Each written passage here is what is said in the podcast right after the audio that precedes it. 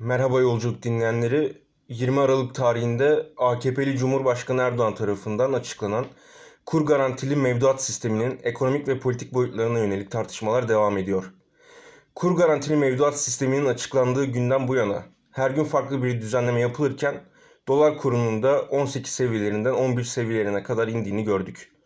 Bugünkü programımızda yaşanan bu gelişmeleri iktisatçı Sabri Öncü ile konuşacağız. Yayınımıza hoş geldiniz. Hocam ilk olarak şöyle başlamak istiyorum. Anladığımız kadarıyla kur garantili mevduatlarla Merkez Bankası tek seferlik bir yükün altına girerek döviz toplamak istiyor. Hazine ve Maliye Bakanlığı da süreklilik arz edecek bir şekilde döviz karşısında TL'yi korumaya çalışıyor. Ee, ilk sorum, sorum şu. Bu mekanizma nasıl çalışacak, çalışacak? Kim kime borçlanacak? Ödemeler nasıl olacak? Şimdi e, öncelikle ortalıkta bir tane me- mekanizma yok. İki tane mekanizma var. Bir tanesi Merkez Bankası'nın yani TCMB mekanizması. Diğeri de Hazine ve Maliye Bakanlığı'nın yani HMB mekanizması. E, uygulama tebliğlerinden e, artık TCMB mekanizmasının ne olduğunu ayrıntılarıyla biliyoruz. Ee, HMB mekanizmasının e, kabahatleri de ortaya çıktı. Ancak Hazine ve Maliye Bakanlığı'nın ödemeleri ne şekilde yapacağı henüz belli değil. Ee, bunun için e, yasal zemin henüz hazır değil. Bir takım yasaların ya da bir yasanın e, geçirilmesi icap ediyor. Ee,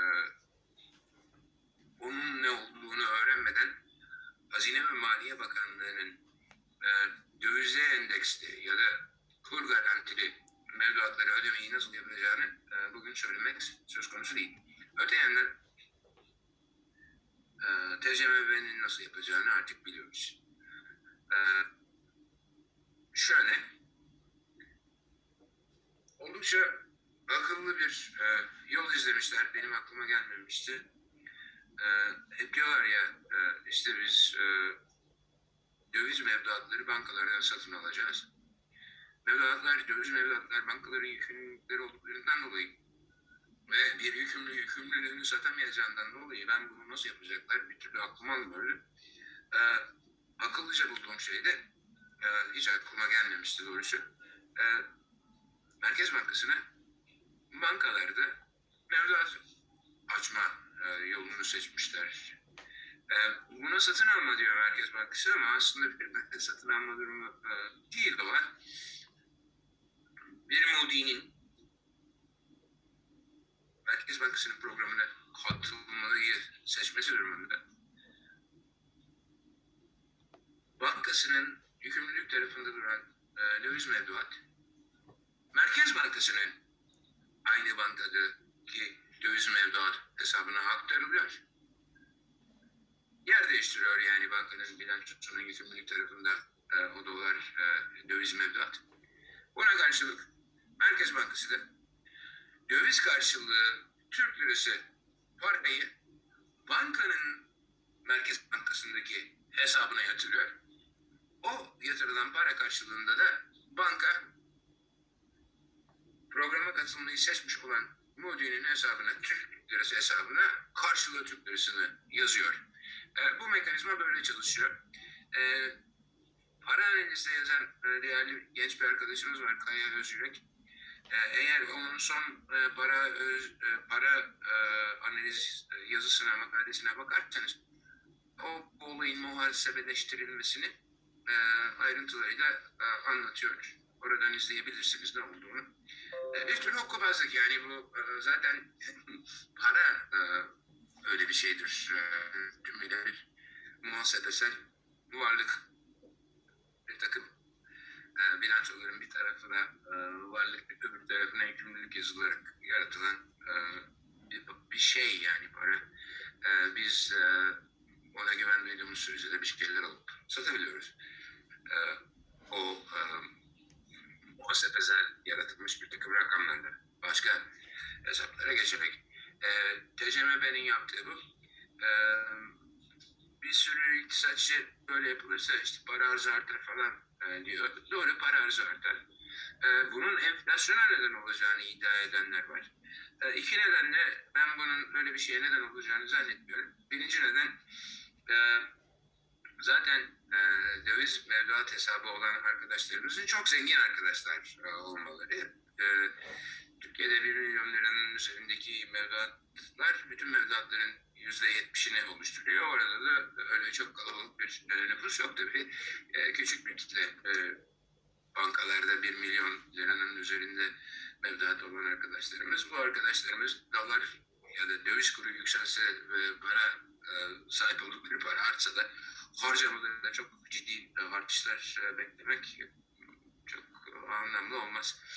E, Bu birinci neden. E, Dolayısıyla e, o para arzındaki artışçının büyük bir enflasyona neden olacağını zannetmiyorum. İkincisi bu e, TCMB e, programına katılanlar e, çok fazla olacak gibi durmuyor. E, Çeşitli rakamlar havalarda uçuyor ama anladığım kadarıyla henüz e, e, DTH'lerden TCMB programına katılan e, mevduatların büyüklüğü 1 milyar e, doları geçmemiş. 237 milyar dolarlık DTH varken devede kulak. E, bu da iki işlerden yani öyle ciddi bir para arzı artışına neden olamayacağı konusunda. E, mekanizma böyle. E, dediğim gibi TCMB'ninkini biliyoruz. E, hazineninki de aşağı yukarı bunun gibi olacak ama e, hazine bankanın ödediği faizin üzerine çıkarsa kur getirisi aradaki farkı nasıl ödeyeceğini e, henüz beyan etmiş durumda değil. Dediğim Hı gibi bunun için yeni bir yasanın geçirilmesi gerekir. O da henüz geçirilmiş değil. Büyük olasılıkla yılbaşından sonra meclis yeniden açıldığında öyle bir yasa geçirildiklerinde e, o mekanizmanın nasıl çalışacağını öğreneceğiz. Hocam sizin de son cümlenizden biraz devam edelim. Ee, aslında bu sistemin başarılı uygulanmasında bir şart var. Yani döviz kurunun e, TL'nin faizden yüksek olduğu anda sanki sorun oluşacak gibi hazine için. Ee, şimdi 2022 yılında da bir FED kararı bekleniyor. Doların güçleneceği bekleniyor tüm dünyada. Ee, yani böyle bir senaryoda, doların arttığı, güçlendiği bir senaryoda Türkiye'yi ne bekliyor açıkçası? Ne dersiniz? Şimdi e, son söylediğimi e, yalnızca TCMB'nin programı için söyledim. Yani var olan DTH'lerin e, Türk lirasına çevrilmesi, kur garantili Türk mevduatlarına çevrilmesi için. E, yeni açılacak e, kur garantili TL mevduatlar ayrı. E, anladığım kadarıyla hali hazırda Türkiye'deki toplam mevduatların yüzde dolar kur sürekli değiştiği için bu yüzdelerde değişiyor ama anladığım kadarıyla en azından yüzde 45'i falan Türk lirası cinsinden. Bunun hepsinin bir programa geçtiğini geçeceğini zannetmiyorum. Ee, zaten küçük mevduat sahipleri mevduatlarında duran parayı e, aydan aya harcıyorlar. Eğer bir gelirleri varsa bir sonraki ay gelirleri e, yeni gelen parayı da bir sonraki ay harcadıklarından dolayı onların böyle 3 aylık, 6 aylık, 9 aylık, 1 yıllık vadeli hesaplarda para tutabileceklerini sanmıyorum. Ee, ama başka bir şey daha. E, büyük olasılıkla o zengin dediğimiz arkadaşlarımız yani e, mevduatları 1 milyonun üzerinde olan arkadaşlarımız zaten DTL'lere büyük miktarlarda geçmişlerdir. E, oradan da çok büyük para geleceğini san- sanmıyorum ama e, şimdi anladığım kadarıyla aşağı yukarı 1 milyar pardon 1, 1,5 trilyon civarında falan yoksa 1.8'miş şimdi, şimdi tam rakam aklımda değil. Hmm, lirası Türk lirası e, lira mevduat var e, bizim bankalarda. E, bunun 1 trilyon lirası e, Hazine ve Maliye Bakanlığı'nın programına katılsa yani fena değil yarısından biraz daha fazlası. E, bayağı bir getirir bizim Hazine ve Maliye Bakanlığı'na. E, ama biz bunu Hazine ve Maliye Bakanlığı'nın tahvillerle satacağı devlet iç borçlanma senetleriyle e, fonlayacağını ya da ödemeleri o tahvillerden e, gelen parayla fonlayacağını düşünüyoruz ama e, öyle de olmayabilir bir görmek icap eder. E, bekleyelim yasayı. E, ne gibi bir mekanizma ortaya çıkaracak, ödeme mekanizması ortaya çıkaracaklar. E, onu görelim. E, benim beklentim e, Amerika'da, Avrupa'da, hatta Japonya'da, İsviçre'de, İsviçre'de pek yapılmıyor galiba ama Amerika'da, Japonya'da, e, İngiltere'de ve e, Avrupa Merkez Bankası'nda yapıldığı türde bir e, miktarsal genişleme yoluyla bunu yap- yapacaklar. Yani e, Merkez Bankası bir şekilde tahvillerini e, pardon e, Hazine ve Maliye Bakanlığı bir şekilde tahvillerini Merkez Bankası'na e, aktarırsa e, bu aslında para yaratma. E, burada e, bu ortodoks dediğimiz ana akım arkadaşlarımızın e, haklı olabilecekleri bir yer var. E, bir trilyon falan geçerse mesela ama geçer mi bilmiyoruz ama geçtiğini varsayarsak e, kur arttıkça bu trilyon büyür tabii. Yani 200 milyar büyür. 12, 10 kere 12 olursa filan gibi.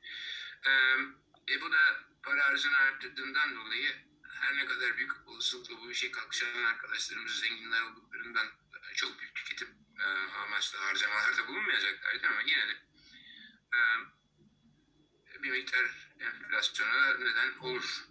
E, hazinenin de e,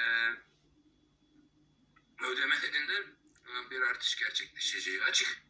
E, ama e, bunu eğer dediğim türde Merkez Bankası üzerinden para yaratarak yapıyorsa doğrudan e, o anda halk için bir sıkıntı çıkmaz ama e, hazine bilançosunda ya da hazine tarafında bu bir bütçe açığı olarak görüldüğünden ve arkadaşlarımız da biz işte e, serbest piyasacıyız, serbest piyasa kurallarına uyuyoruz, e, ondan sonra bütçe disiplini falan dediklerinden dolayı e, bütçe e, harcamaları buraya gittiğinde başka yerlerden kısıntı yapacaklarından dolaylı olarak gene bize ödetilmiş olur eğer kuru yükselirse. Yani hap için hoş bir şey değil bu yapılan. E, zengin kurtarma, e, zenginlerin hayatını e, kolaylaştırma türünde e, hoş olmayan bir uygulama değil. E, hocam bir de yani. Ama kime e, sorun yaratarak zaten kötü durumda olan dar gelirlere, işçilere, emekçilere onlara binecek yani bu işin e, maliyeti sonunda dediğim gibi bir sürü yerden kısıntı yapmak zorunda kalacaklar dediğim türde Merkez Bankası üzerinden para yarattırsalar bile çünkü bütçe e, disiplini falan diyorlar. E, dışarıdan borç alamazlar. Çok büyük bütçe açıkları verirlerse dış borç sorunu da var ortalıkta. Yani e, kısa dönemli borcu çevirebilmeleri için dış kreditörlerine size izin vermeleri icap eder. Çok yükseltirse dışarıda arkadaşlar e, faizleri iyicene yükler falan yani sıkıntılı bir miktar e, bu olay değil. e, hocam bir de e, bu yani 20 Aralık'tan sonra özellikle pazartesi ve salı günkü o hızlı kur düşüşü ve Merkez Bankası'nın yaptığı satışlar, dolar satışları çok tartışıldı. Yani sizce bu doların bu hızlı düşüşünün temel sebebi Merkez Bankası'nın satışları mı yoksa işte halkın parasını TL'ye çevirmesi mi? Siz nasıl değerlendiriyorsunuz burayı? Mesela bugün de Şöyle bir şey. E, sanıyorum ülkemizde bu olana flash crash. Tam Türkçesini de bilemiyorum. Flash'ın ne olduğu belli de yani böyle birdenbire patlayan bir şey yani fotoğraf makinesinin düğmesine. Crash de göçme falan demek. Böyle flash e, göçüş diyelim. Flash göçüşler büyük meblağlarda satışlar olmadan gerçekleşmez. İddia nedir? İşte biz bu açıklamayı yaptık ya bu açıklamadan sonra e, vatandaşlarımız büyük satışlar yaptı. E, e yani şimdi hmm, büyük satıştan kasıt da öyle ne bileyim 10 dolar, 20 dolar, 100 dolar, 1 milyon dolar falan değil. Milyarlarca dolar satılmış olması icap eder. Bunu da vatandaş yapamaz birisinin yapmış olması gerekir. E, verilerden gördüğümüz kadarıyla e, bu ay başından bu yana aşağı yukarı Türkiye'nin dış varlıklarında e, yaklaşık 20 milyar dolarlık bir azalma var. E, bu azalma kimin bilançosunda e, gerçekleşti onu tam olarak bilemiyoruz. E, Merkez Bankası'nın sattığı e, birilerinin iddia ettiği üzere e, kamu bankaları üzerinden arkadan dolaşım, dolaşılarak yapılmış bir e, müdahale miydi, satış mıydı e, ya da bir takım e, kişilerin diye bir e, güçlü kişilerin kendi dolarlarını satarak yaptıkları bir şey miydi? E, henüz öğrenemedik. Zaman içerisinde ortaya çıkar. E, ancak e, dediğim gibi büyük satışlar olmadan öyle büyük flash göçüşler olmaz. E, gözüktüğü kadarıyla e, hem 20'sinde hem 21'inde büyük satışlar oldu. E, sonrasında da e, müdahalelerin sürdüğü gibi bir izlenimi var. Yani yoksa e, bu flash göçüşlerin arkasından genellikle geçişi kısa sürer ve e, büyük bir yükseliş olur. O yükselişte olmadığına göre birileri e, küçük meblağlarda arkasından satmayı e, sürdürüyor olsa gerektir diye düşünüyorum. E, o da e, öyle ben küçük diyorum ama yani e, çok da küçük bir şey değil. Yani o küçük meblağlar e, 3-5 milyon milyar değildir de ne bileyim e, 300 milyondur, 200 milyondur falan yani. Onlar da öyle aslında az miktarlar değiller. Arka arkaya 3-5 gün yapınca da onlar da milyarlara doğru yaklaşırlar. Yani e, bu işin işte vatandaş böyle bir e, program çıktı. Hatta iki tane program. İkincisini e, daha yeni öğrendik tam olarak ama onun da e, adı geçiyordu. İşte bir TCMB böyle yapacak. İşte Hazine ve Maliye Bakanlığı böyle. Var ne güzel demek dolar düşecek satalım diye vatandaşın e, satmasıyla gerçekleşebilecek bir şey değil yani. Bu büyük meblağlarda satılmış olması. Ayrıca bunun eş zamanlı yapılmış olması lazım. Aynı yani ne bileyim mesela bir tanesi saat 11'i bir geçe sattıysa öbürü 11'i iki geçe satacak falan gibi.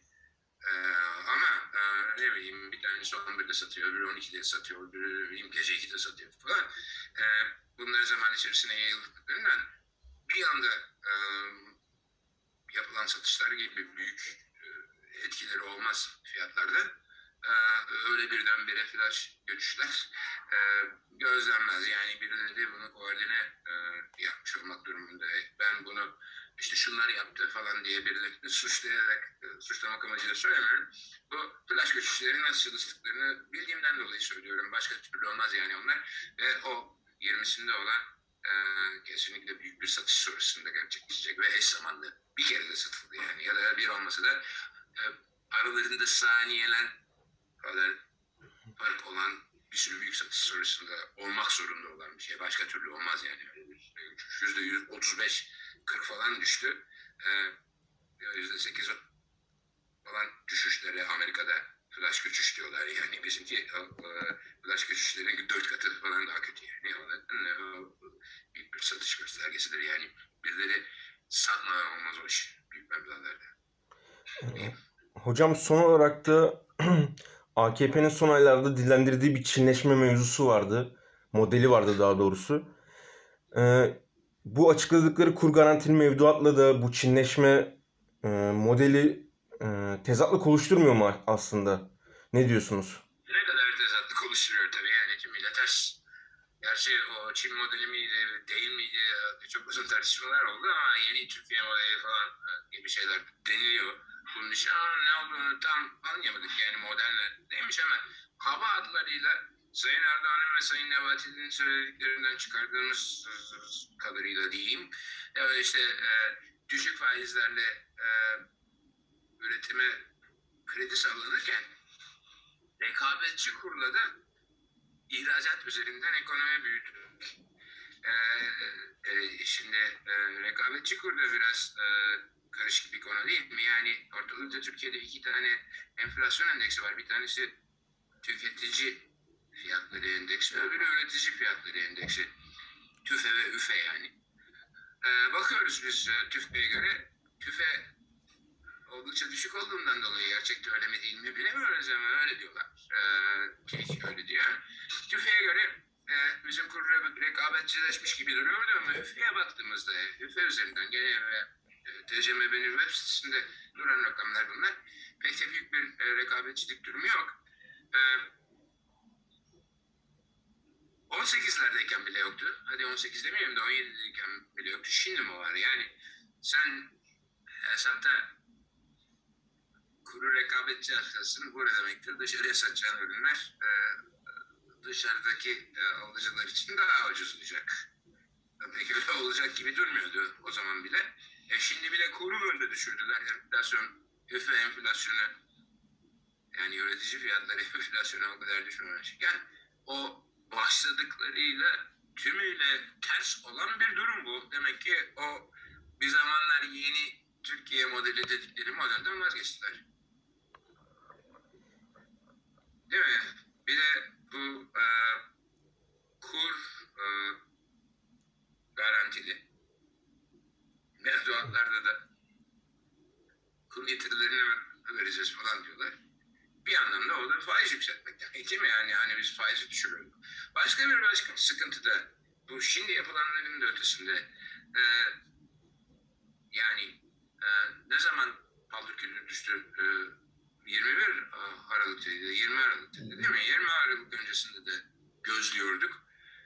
E, TCMB politika faizini yükselttikçe piyasa faizleri yükseliyordu.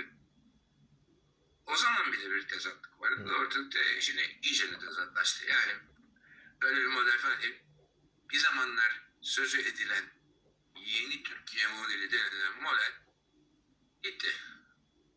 Şu anda yapılanlarla o model arasında ne olduğunu bilmediğimiz o model arasında hiçbir uyumluluk yok.